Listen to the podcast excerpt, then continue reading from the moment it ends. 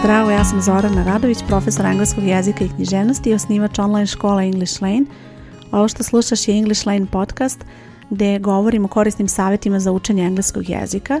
U ovoj epizodi želim da govorim o jednom problemu koji imaju mnogi koji uče engleski jezik, a to je sve razumem, ali ne znam da odgovorim. To je jedan problem sa kojim mi se mnogi obraćaju i pitaju me šta da rade u toj situaciji, ali da bi uspela da rešiš tu situaciju i da bi uspela da prevaziđeš taj problem, moraš da shvatiš da postoji četiri problema koje dovode do ovoga i ta četiri problema moraš da rešiš da bi uspela da prevaziđeš to, da bi uspela osim što razumeš, da bi uspela i da odgovoriš nekome.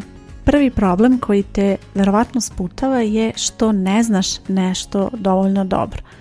Dakle, možda si ti i već dobila neki sertifikat da si na nekom nivou i tako dalje, ali vrlo često postoje neki problemi koji te sputavaju da praktično upotrebiš jezik.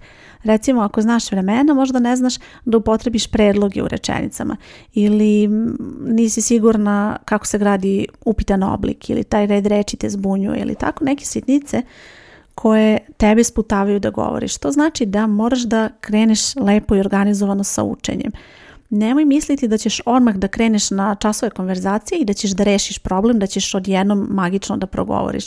Jer ne možeš da progovoriš ako ne znaš pravila, ako ne znaš ni kako se neko vrijeme gradi, ako ne znaš reči, ako ne znaš kako se koriste predlozi, prilozi i tako dalje. E, prosto slušat ćeš konverzaciju, pomoći će to tebi u nekoj meri, ali neće ti pomoći da ispraviš svoje greške ako ne vidiš lekcije, ako ne naučiš pravila. Drugi problem koji se javlja je što ne znaš praktično da primjeniš jezik. Šta to znači? Ti recimo naučiš kako se gradi present simple i ti recimo ako imaš vežbanje u kome su rečenice u kojima je izostavljeno vreme, ti znaš da upotrebiš present simple i to je ok, ti ćeš uraditi test, dobit ćeš dobru ocenu na tom testu ali to što uradiš to vežbanje ne znači da ti znaš present simple. Znaš kako se gradi, ali pitanje je da li znaš kako se koristi. I to sam primetila kao veliki problem. E, ljudi koji dođu recimo čak i do B1 nivoa vrlo često znaju vremena u smislu da znaju kako se grade, ali nemaju predstavu kako da upotrebe ta vremena. I onda kad dođe konverzacija, prosto osoba nije sigurna kako da upotrebi ta vremena i to što zna. I onda recimo čujem primere poput I get up at 6 i drinking tea before breakfast. U drugoj već rečenici niti je dobro upotrebljeno vreme, niti je tačno upotrebljeno vreme. Znači nije ni dobra upotreba, nije ni dobro građenje vremena, ni jedno ni drugo. Kada učiš engleski bilo šta, ovo se ne odnosi samo na vremena, nego na sve što učiš u engleskom jeziku, vrlo je bitno da to primeniš. Ta praktična primjena jezika je vrlo bitna jer šta je ta praktična primjena? To je zapravo konverzacija, bilo u pisanom ili usmenom obliku, ali to je ono zbog čega ti učiš jezik, da primjeniš jezik u konverzaciji i sve što učiš, bilo da su to vremena, članovi, predlozi, nove reči, izrazi, šta god, bitno je da to upotrebiš u konverzaciji, to jest da upotrebiš da nešto kažeš, opišeš, prepričaš i tako dalje. To je najbolji način da aktivno koristiš jezik.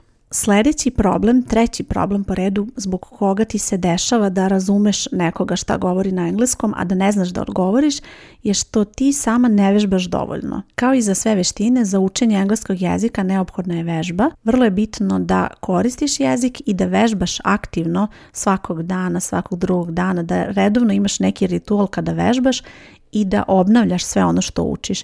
Nije dovoljno samo da prođeš kroz lekciju i da kažeš da si je naučila, već je neophodno da se vraćaš na tu lekciju, da radiš vežbanja koje će ti pomoći da proveriš to naučeno iz te lekcije, bez obzira što si tu lekciju možda učila i pre tri meseca, Neophodno je da to znaš, jer nijednu lekciju koju učiš na engleskom ne učiš samo da bi je naučila, ne učiš je zbog testa ili eto zato što je to propisano nekim programom i tako dalje, već ti zapravo učiš da to primjeniš. I onda je vrlo bitno da moraš da vežbaš to što učiš i da obnavljaš redovno da bi onda kasnije znala sve to da upotrebiš.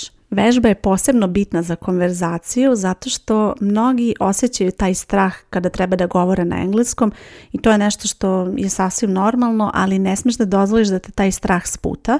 Moraš da se potrudiš da izgovoriš makar jednu, dve, tri rečenice koliko god možeš u tom trenutku i da vežbaš na taj način i da aktivno koristiš jezik jer to je ono što će te pomeriti ka tom cilju da i ti odgovoriš na engleskom. Dakle, ne možeš da samo učiš, učiš i onda očekuješ da ćeš kada se pojaviš negdje ti znati da govoriš na engleskom jer to ne ide tako. Moraš da vežbaš i to je proces koji traje. I sve ovo što pričam nije vezano za određeni nivo. Dakle, tebi ne treba određeni nivo da bi ti pričala na engleskom. Konverzacija mora da bude deo učenja engleskog od samog početka.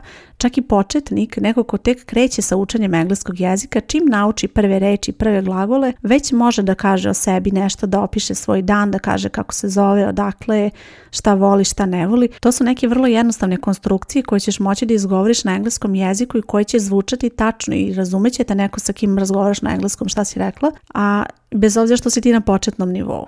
Ok, to su bila tri problema koje te sputavaju da govoriš na engleskom i postoji još jedan problem koji se javlja, a to je da je osoba suviše ambiciozna u onome šta želi da kaže na engleskom. Šta to znači? Kada želiš nešto da kažeš na engleskom i kada te neko nešto pita na engleskom, ti želiš da odgovoriš onako kako govoriš na svom maternjem jeziku. To vrlo često znači da ti želiš da upotrebiš neke složene konstrukcije, dakle duže rečenice, verovatno ćeš želiti da upotrebiš uh, pasiv, slaganje vremena, povezivanje rečenice veznikom i tako dalje. A to su sve neke stvari koje ti nećeš naučiti na početnom nivou učenja engleskog jezika i to ne treba da te sputa. Dakle, kada kreneš sa učenjem engleskog jezika, vrlo je bitno da budeš svesna toga da nećeš moći da izgovoriš te rečenice u tom trenutku i da je to u redu i ne treba da pokušavaš, jer ćeš vrlo verovatno napraviti grešku. Zato što nisi naučila pravila, to jest nisi stigla dotle sa pravilima. Evo sada ću ti objasniti na primjeru šta su to složene, odnosno komplikovane rečenice. U okviru jednog od kurseva koji pohađaju polaznici u mojoj školi, zadatak je bio da napišu rečenicu na maternjem jeziku o nekoj slici i onda da se vrate kroz četiri nedelje i da napišu takve rečenice na engleskom jeziku. I dešava se vrlo često da polaznici napišu nešto što bi zaista rekli o toj slici i ne razmišljaju o tome da je to sluviše složeno i kompleksno. Recimo rečenica je bila crveni automobil je parkiran u dvorištu. Ta rečenica samo po sebi nije vrlo komplikovana i nešto, to je nešto što biste zaista rekli o slici i to je potpuno u redu, ali problem je što je u toj rečenici upotrebljen pasiv. Pasiv je nešto što ćeš koristiti mnogo kasnije, na mnogo naprednijim nivoima. Kad kreneš sa učenjem engleskog jezika, realno proći će meseci dok ti dođeš do te lekcije u gramatici i ti nećeš uspjeti to da kažeš u početku. Umjesto toga, probaj da se fokusiraš na jednostavnije rečenice, na jednostavnije fraze. Umjesto da kažeš crveni automobil je parkiran u dvorištu, reci samo crveni automobil je u dvorištu. To je nešto što ćeš odmah naučiti. Glagol to je prvi glagol koji ćeš naučiti kada kreneš sa učenjem engleskog jezika i vrlo lako ćeš uspjeti ovu rečenicu da izgovoriš, a da ona bude tačna. I to je poenta. Probaj ono što želiš da parafraziraš, da kažeš na jednostavniji način, ali da znaš da to što govoriš da je to tačno, da ne grešiš, da ne praviš uh, neke greške poput reda reči, da ne budeš e, u situaciji da nisi sigurna koje vreme da upotrebiš, kao u ovoj situaciji, recimo ova osoba neće uspjeti ovo da kaže na engleskom jer ne zna pasiv, niti je sada vrijeme da nauči pasiv. Dakle, kada kreneš sa učenjem engleskog i bez obzira sad na kom si nivou, uvijek potrudi se da rečenice, ako ti zvuče više komplikovano, ako vidiš da ne možeš to da kažeš sa sigurnošću na engleskom, uvijek probaj da kažeš jednostavnije, kraće rečenice i onda ćeš biti siguran da su takve rečenice koje izgovaraš tačne. I nemoj da se oslanjaš na ono što kažu razumeće mene neko, čak i ako izgovorim nešto što nije gramatički pravilno jer ti ne želiš da učiš engleski na takav način. Učenje na takav način stvara dosta nesigurnosti i vodi upravo ka tome da ti razumeš nekoga, a da ne znaš da odgovoriš. Dakle, četiri problema koja moraš da rešiš da bi uspjela da odgovoriš nekome, ne samo da razumeš, već i da odgovoriš, je to da učiš na pravi način, da učiš praktično, da primjeniš ono što koristiš, da vežbaš jezik redovno, da koristiš jezik u pisanoj, u usmenoj konverzaciji kako god, ali da vežbaš što više i da budeš svesna onoga što znaš u tom trenutku. Ako nešto zvuči suviše komplikovano, uvijek kreni sa jednostavnijim rečenicama, vremenom će te rečenice biti složenije, bit će eh, više reči, bit će raznovrsnijih reči, ali sada u tom trenutku gdje se nalaziš, bitno je da ono što govoriš jeste tačno.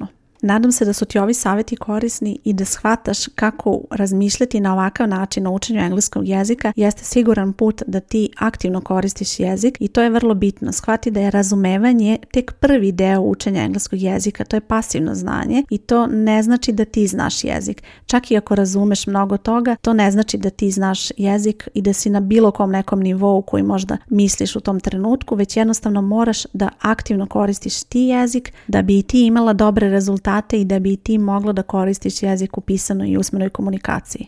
Na kraju želim da te pozovem da se učlaniš u moju online školu u pitanju je English Lane online škola za učenje engleskog jezika gdje ćeš moći da učiš od kuće i dobiti priliku da od samog starta primenjuješ aktivno engleski jezik i da koristiš sve materijale koje imaš, da odmah kažeš nešto na engleskom, da E, napišeš nešto na engleskom i da jednostavno od samog starta imaš mogućnost da upotrebiš ono što naučiš, vidjet ćeš odmah rezultate i to je ono što će te motivisati da učiš dalje. Na ovoj stranici gdje slušaš podcast vidjet ćeš link ka školi ili jednostavno ukucaj English Lane online škola i vrlo lako ćeš pronaći sve informacije o školi.